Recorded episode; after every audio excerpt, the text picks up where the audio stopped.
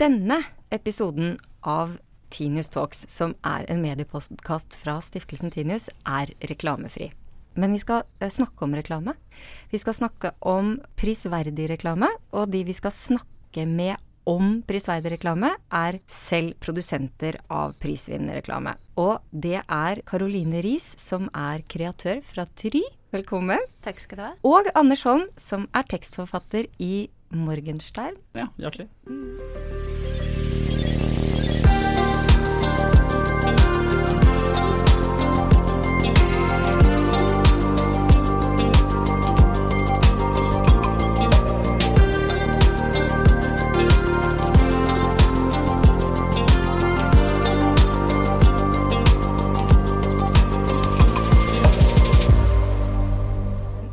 Før vi starter med spørsmål om hva slags reklame er det som vinner priser, så må vi kvittere ut en ting som jeg lurer på, og det er er det noe som er typisk norsk reklame lenger? Karoline, du har jo jobbet syv år i London og et halvt år i New York. Ja, i hvert fall sammenligning med utlandet, da, så er det jo eh, noe som skiller norsk reklame.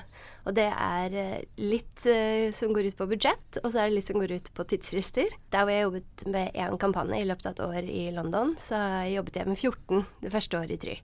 Så det går veldig mye fortere, og så er det veldig mye mer demokratisk. Så du får på en måte ikke tid til å si nei eller stopp hvis du er en kunde. Du må nesten bare løpe med det. Og da får man gjort ganske mye modigere og gøyere ting. Ok, det var jo interessant, for nå svarte du rett og slett på hvordan reklamen blir til, mens jeg tenkte jo på hvordan reklamen blir. Ja, og det henger jo litt sammen, tror jeg. Det at det er flatere gjør også at det blir mindre rom for å kanskje plukke, file bort alle hjørnene, så man kan lage litt skarpere ting. Fordi ting skal ikke nødvendigvis eh, opp ti nivåer fra der du er. Du, i, i, de fleste tilfeller så snakker du kanskje med de som bestemmer. Og det gjør at eh, reklamen vi lager i Norge eh, kan bli litt mer ja, modig er rett ord å bruke, da. Men er den bedre? Det er klart den er bedre.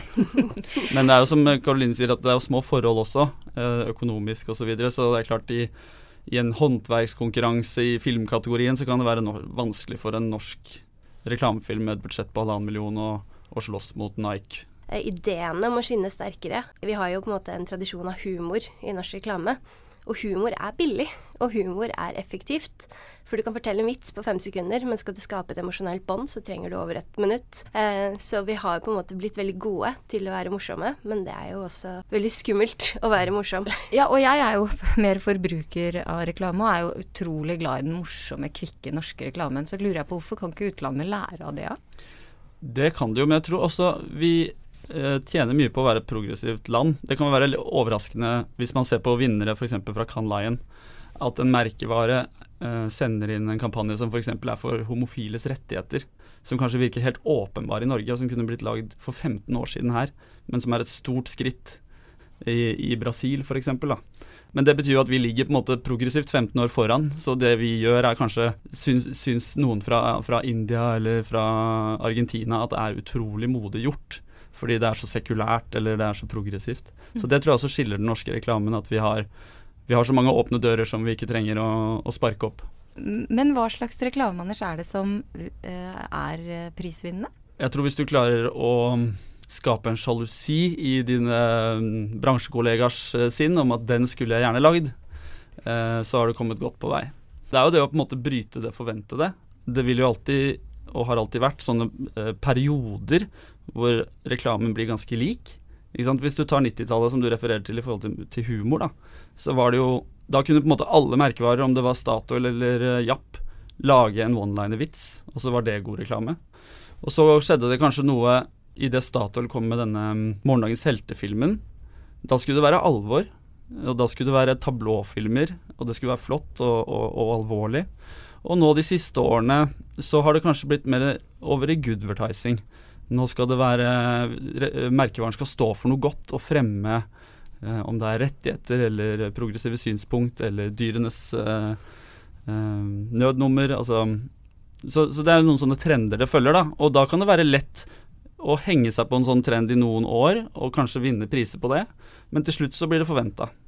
Og det, det, tror jeg man kanskje kommer til å se nå med goodvertising. At liksom vi, har, vi er på peak goodvertising, så blir det litt forventa. Så neste år i Gullbriljanten så er det kanskje tilbake til fjas og fanteri, eller eh, noe helt annet. Hva tror du Karoline, er du nå klar for mer fjas og fanteri? Alltid klar for fjas og fanteri. Det er noe med at um, det går trender, i, og spesielt i Cannes. Uh, så ser du at ett år så er det hologrammer i alle reklameflater, og så henger man seg på en trend, uh, og så neste år kommer du tilbake med hologrammet ditt, og så er det stemmestyring som gjelder, eller klimaforandring. så du, du taper litt hvis du prøver å følge trendene, da. Men igjen så ser du jo at uh, ja, det var veldig mange klimasterke kampanjer som vant nå sist de kan, men Tide Ad var jo helt noe annet. Tide er jo da vaskemiddelprodusent som uh, lagde da en reklame som var alle klisjéreklamene du ser på Superbowl, med én frontfigur som uh, sa at uh, dette er jo en bilreklame. Nei, fordi han har rene klær, så er det en Tide-reklame. Så de lagde jo en konstruert innsikt om at har du rene klær, så må det være Tide.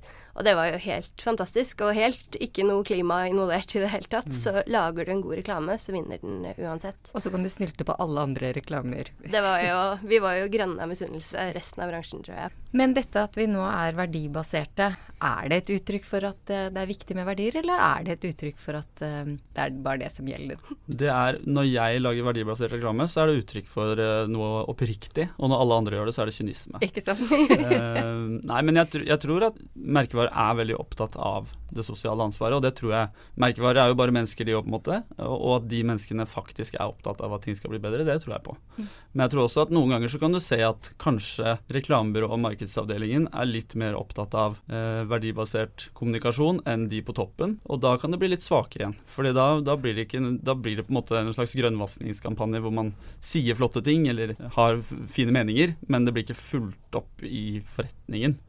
Eh, og da blir det ikke så sterkt. Nei, da blir den vel ikke effektfull på et vis heller, hvis den bare henger og dingler Nei, da blir det jo bare en påstand, på en måte. For du ser, eh, hvis det er eh, sånn som Nike som kom ut med en veldig sterk reklame som tok et politisk standpunkt, så føles det veldig riktig, for det er bare Nike som kunne på en måte ha stått for den, da. Mens eh, du ser da når andre kaster seg på som kanskje er en smørpakning, og så sier de det samme, så blir det feil. Så det handler ikke bare om hva du sier, men også har du rett til å si det. Mm. Ja, og litt av hvilken vekt merkevaren du representerer har fra før. Nike har en enorm vekt. Uh, mens Brelett vil ikke Det blir ikke blitt helt det samme, da. Mm. Uh, så det er litt hvor det kommer fra også. Og nå kommer vi da til klamydia. For hvilken rett hadde 7-Eleven til å snakke om klamydia? Ja, det er et godt spørsmål. um, hvilken rett de hadde til det? Vi kan kanskje forklare mens du tenker, fordi det var jo da denne reklamefilmen som du uh, var med og lagde, hvor, hvor, uh, hvor dere jo uh, fant ut at det var genialt, nå er jeg litt sarkastisk, hører jeg, å, å promovere Norge som landet med mye kjønnssykdommer, men mm. kondomene kan du kjøpe på selv med eleven. Mm.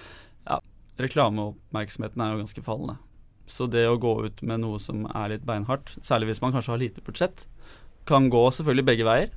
Uh, men det vil i hvert fall løse problemet ditt med reklameoppmerksomhet. Og her var det jo Det er jo på en måte en slags samfunnsorientert kampanje. Uh, hvor vi syns det var litt morsomt å stikke borti reklamefilmer som handler om hva er det med disse dype fjordene og de høye fjellene, og hva er det som gjør oss norske? Hvorfor er vi, hva, hvorfor er vi, hvorfor er vi så fantastiske? Det har på en måte vært en sånn gjenganger i norsk reklame, om det har vært for Forsvaret eller uh, ja, 100 andre merkevarer har gjort den samme filmen. Uh, og, og, særlig den følelsen vi nordmenn blir så stolte når utlandet snakker om oss. Som har vært et utgangspunkt for flere kampanjer. Men her tenkte vi hadde ikke vært litt gøy hvis det var negativt, det de sa for en gangs skyld. At det ikke handla om at liksom, vi var verdens mest fantastiske mennesker. Og 7-Eleven selger jo kondomer, og de er vi dårlige til å bruke. Og vi er i europatoppen uh, på klamydia. Og det å liksom både stikke litt borti, eller ganske hardt borti den uh, nasjonale stoltheten vår for å, å, bruke det som et virkemiddel for folk, folk til å skjerpe seg, syns vi var spennende. Karoline, da må jeg ta lakmustesten. Ble du grønn av misunnelse? Altså, man, det er jo en reklame som har gått kjempegodt. Den har vunnet masse priser. Man kan jo ikke ikke være misunnelig for en god jobb. Men gjorde de en god jobb for Norge? Nå vet jeg ikke helt om det er vårt ansvar å være ambassadører for Norge heller. Vi er jo ambassadører for merkekundene vi jobber for. Eh, jeg følte ikke at de smart, svartmalte Norge. Jeg føler at de tok det med et smil, og John Oliver tok det opp og smilte da han sa det. Så jeg følte ikke at vi malte Norge i et mørkt lys. Men det var jo en ganske oppsiktsvekkende take på vakre bunadskledde Norge. Altså Det fascinerende med den var jo at den tok opp et reelt fenomen Ja. som vi faktisk ikke har adressert i noe særlig grad. Nei, og det var kult å se. Den fikk satt i gang en debatt også. Det var innslag på nyhetsprogrammer hvor folk plutselig satt og tredde kondomer på bananer og, og snakket om dette her, og det ble debattert i debattsiden, jeg husker ikke om det var VG eller Dagbladet, men så det skapte jo liksom noe litt større. Så sånn sett så var, var den jo viktig. Men vi kan jo være såpass ærlige og si at vi gjorde jo ikke dette her for, eh, fordi vi tror at eh, det kom til å løfte 7-Eleven til nye høyder, men at de kunne få eh, en reklameoppmerksomhet og kanskje vri litt på et image som, som kanskje litt, har vært litt traust. At de har vært litt borte. For egen del så vil jeg absolutt si at det var sånn det føltes. At å ja, 7-Eleven, Ikke wow! Der kom den, liksom. Ja. Ja. Men og Karoline, du har jo da slått et slag for dyrene. Ja. Ja. For at dyrene skal få sitt eget nødnummer hvis det skjer noe med dem. 114. Mm. Kan ikke du fortelle hvorfor, hvorfor kom den i gang, og hva har den ført til? Hele kampanjen gikk ut på at vi ville ha et nasjonalt offentlig nødnummer for dyr. Altså 114. Vi har jo de andre tre. Eh, og du kan ikke bare opprette et tresifret nødnummer. Det må gå gjennom veldig mange ledd. Så da lagde vi en signaturkampanje der dyrene selv kunne signere. For det var jo deres kampsak. Eh, og så leverte vi alle signaturene på Stortinget, og den er oppe til diskusjon nå. Eh, men fordi vi visste at det her kom til å ta veldig lang tid, og det var veldig mange som ble engasjert av mangelen på et nasjonalt nødnummer, så tok DNB og opprettet et eget uh, nummer, som var 222-00114. Og det var jo ganske dyrt i drift når det er privat uh, laget, men det et år senere er fremdeles i drift av DNB i dag. Eh, og eh, blir brukt på daglig basis av dyreeiere. Så alle har det nummeret å ringe fremdeles, et år etter kampanjen er ferdig. Og kampanjen som sådan, den vant pris. Den vant pris. Ja. Ja. Men det viktigste er vel at det blir et tresifret nummer. Ja.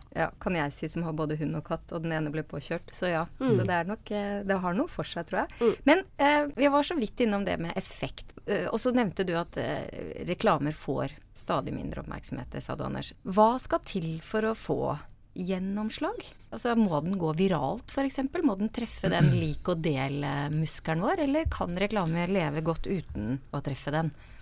Det kan leve uten. Altså, man kan jo kjøpe seg til oppmerksomhet fortsatt.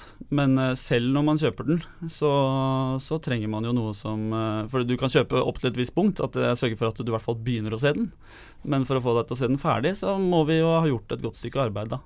Og det er jo her jeg ser med stor optimisme på vår del av bransjen fortsatt. Fordi eh, dette blir ikke lettere, dette blir egentlig vanskeligere. Og det krever mer kreativitet. Altså, selv om det er kanskje et rart begrep å si mer kreativitet, så må noen jobbe for at, uh, du, at noen ser lenger enn tre sekunder. Og at de ikke bare scroller forbi, og osv. Og, så videre. og der tror jeg vi er ganske bra rigga egentlig til å få til det. Og det er jo den kjennetegnet kanskje til denne prisvinnende reklamen. Da, at I og med at den er overraskende, i og med at den er spesiell på et eller annet vis, så er vel også muligheten for at folk stopper opp og ser mer enn tre sekunder litt bedre. Vi har ofte i dette opptaksrommet her eh, snakket om robotene som kommer, men robotene er kanskje ikke noe særlig utfordring for kreatørene. Jeg føler jo at eh, reklame kommer alltid til å være til stede så lenge folk kjøper ting. Eh, det er bare i hvilke former vi må på en måte tilpasse oss til. Så er det jo innholdet vi står for til syvende og sist, og det vil jo alltid komme fra hjerner og ikke chips. Ja, det må jo så få være at man uh, utvikler en robot som evner å komme på ny menneskelig innsikt, da. Som jeg føler er liksom den viktigste jobben til en kreatør, er jo nettopp å liksom finne en menneskelig innsikt hvor produktet kobles mot eh, ja, det vi liker å kalle liksom den menneskelige verden. Du kan snakke om et produkt i en sånn produktverden. Hvis det er et kamera, kan du snakke om megapiksler osv. Eller så kan du snakke om den i den menneskelige verden, hvor det handler om å bevare minner, f.eks. Uh, og, og hvis du skal ha noe nytt å si, så må du jo komme på en eller annen ny menneskelig innsikt rundt kamera, som ikke Kodak sa for, for 10-15-20 år siden. Og der tror jeg robotene foreløpig sliter med den nye menneskelige innsikten. De kan sikkert emulere og kopiere og sånn etter hvert, men å, å, finne den nye innsikten, det håper jeg de uh, holder seg unna.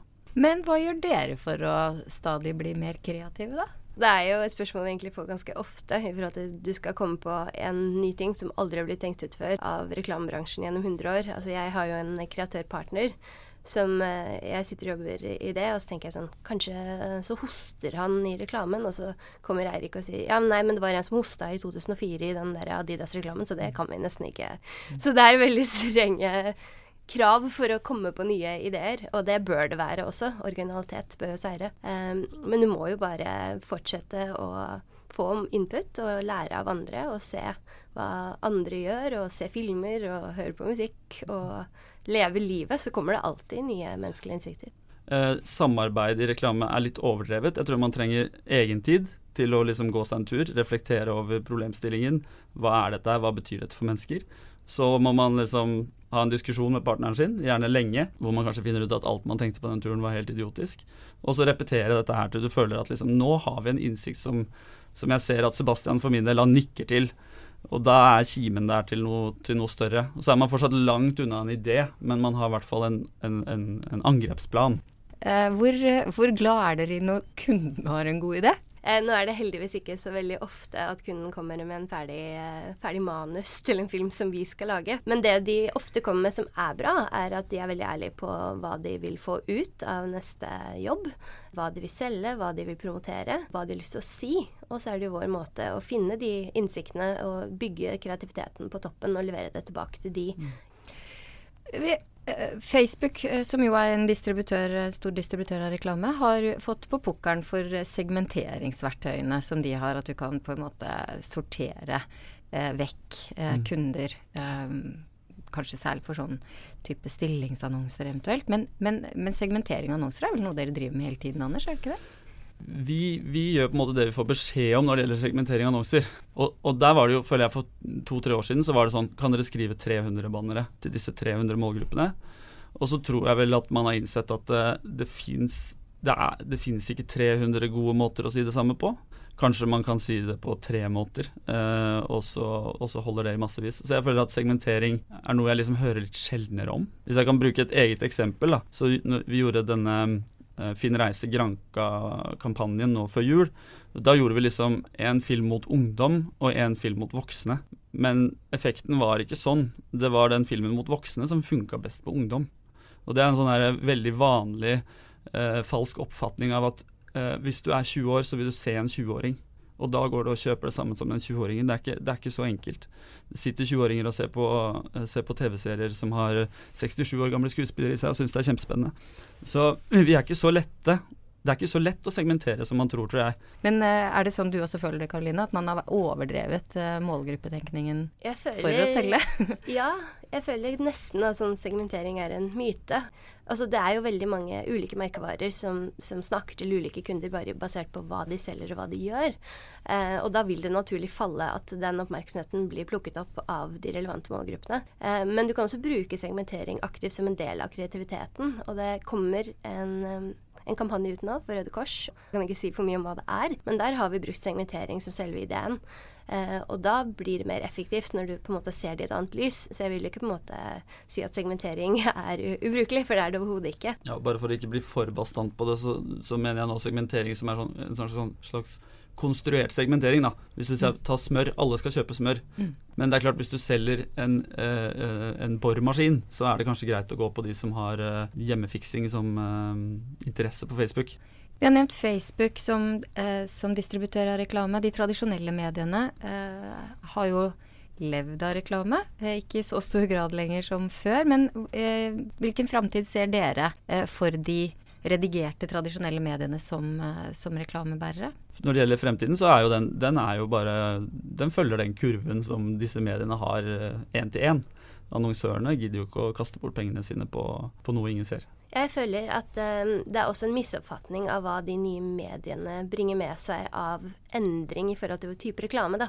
Mange tror at man skal ha oppmerksomheten på tre sekunder, og at hvis du ikke forter deg å vinke i fjeset på noen, uh, så mister du de. Men det er jo folk som sitter og ser 17 minutter reklame uh, helt uten uh, tvang. Så jeg føler at det ikke er døden for lengre flater. Det er bare du må tenke litt annerledes. Nei, jeg er enig. Ikke nødvendigvis, men føler ikke dere også at dere er under et slags sånn angrep fra med den skumle mediebyråverdenen hvor alle møtene handler om at det var for langt. Det var for langt denne gangen òg. Det må ned. Ja, men det går jo. Det, du kan lage noe på to minutter som folk ser mer av enn den man glemmer fordi den varte tre sekunder og du rakk ikke å si noen ting.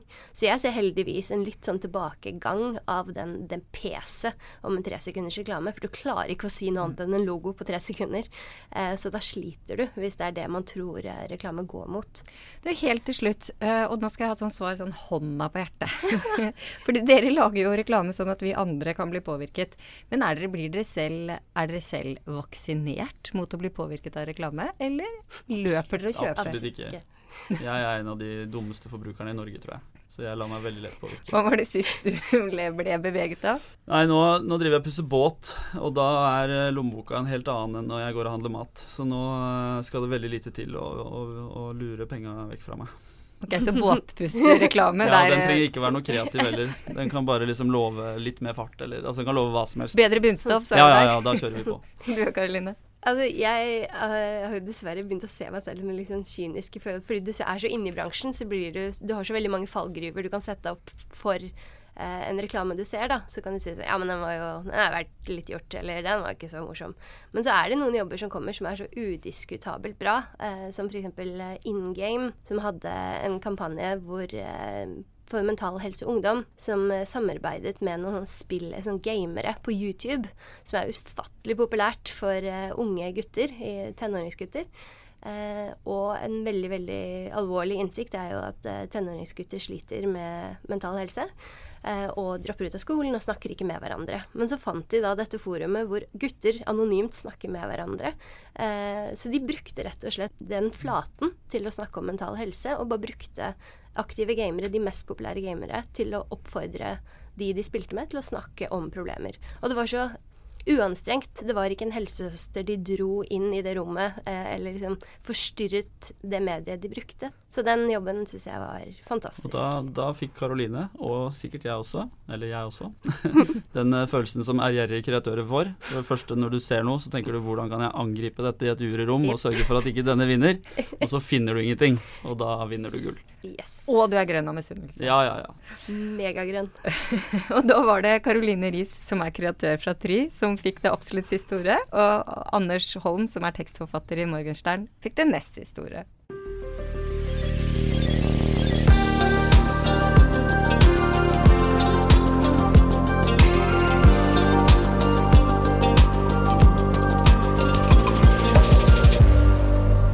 Denne podkasten er produsert av Hansine Korslien for Stiftelsen Tinius.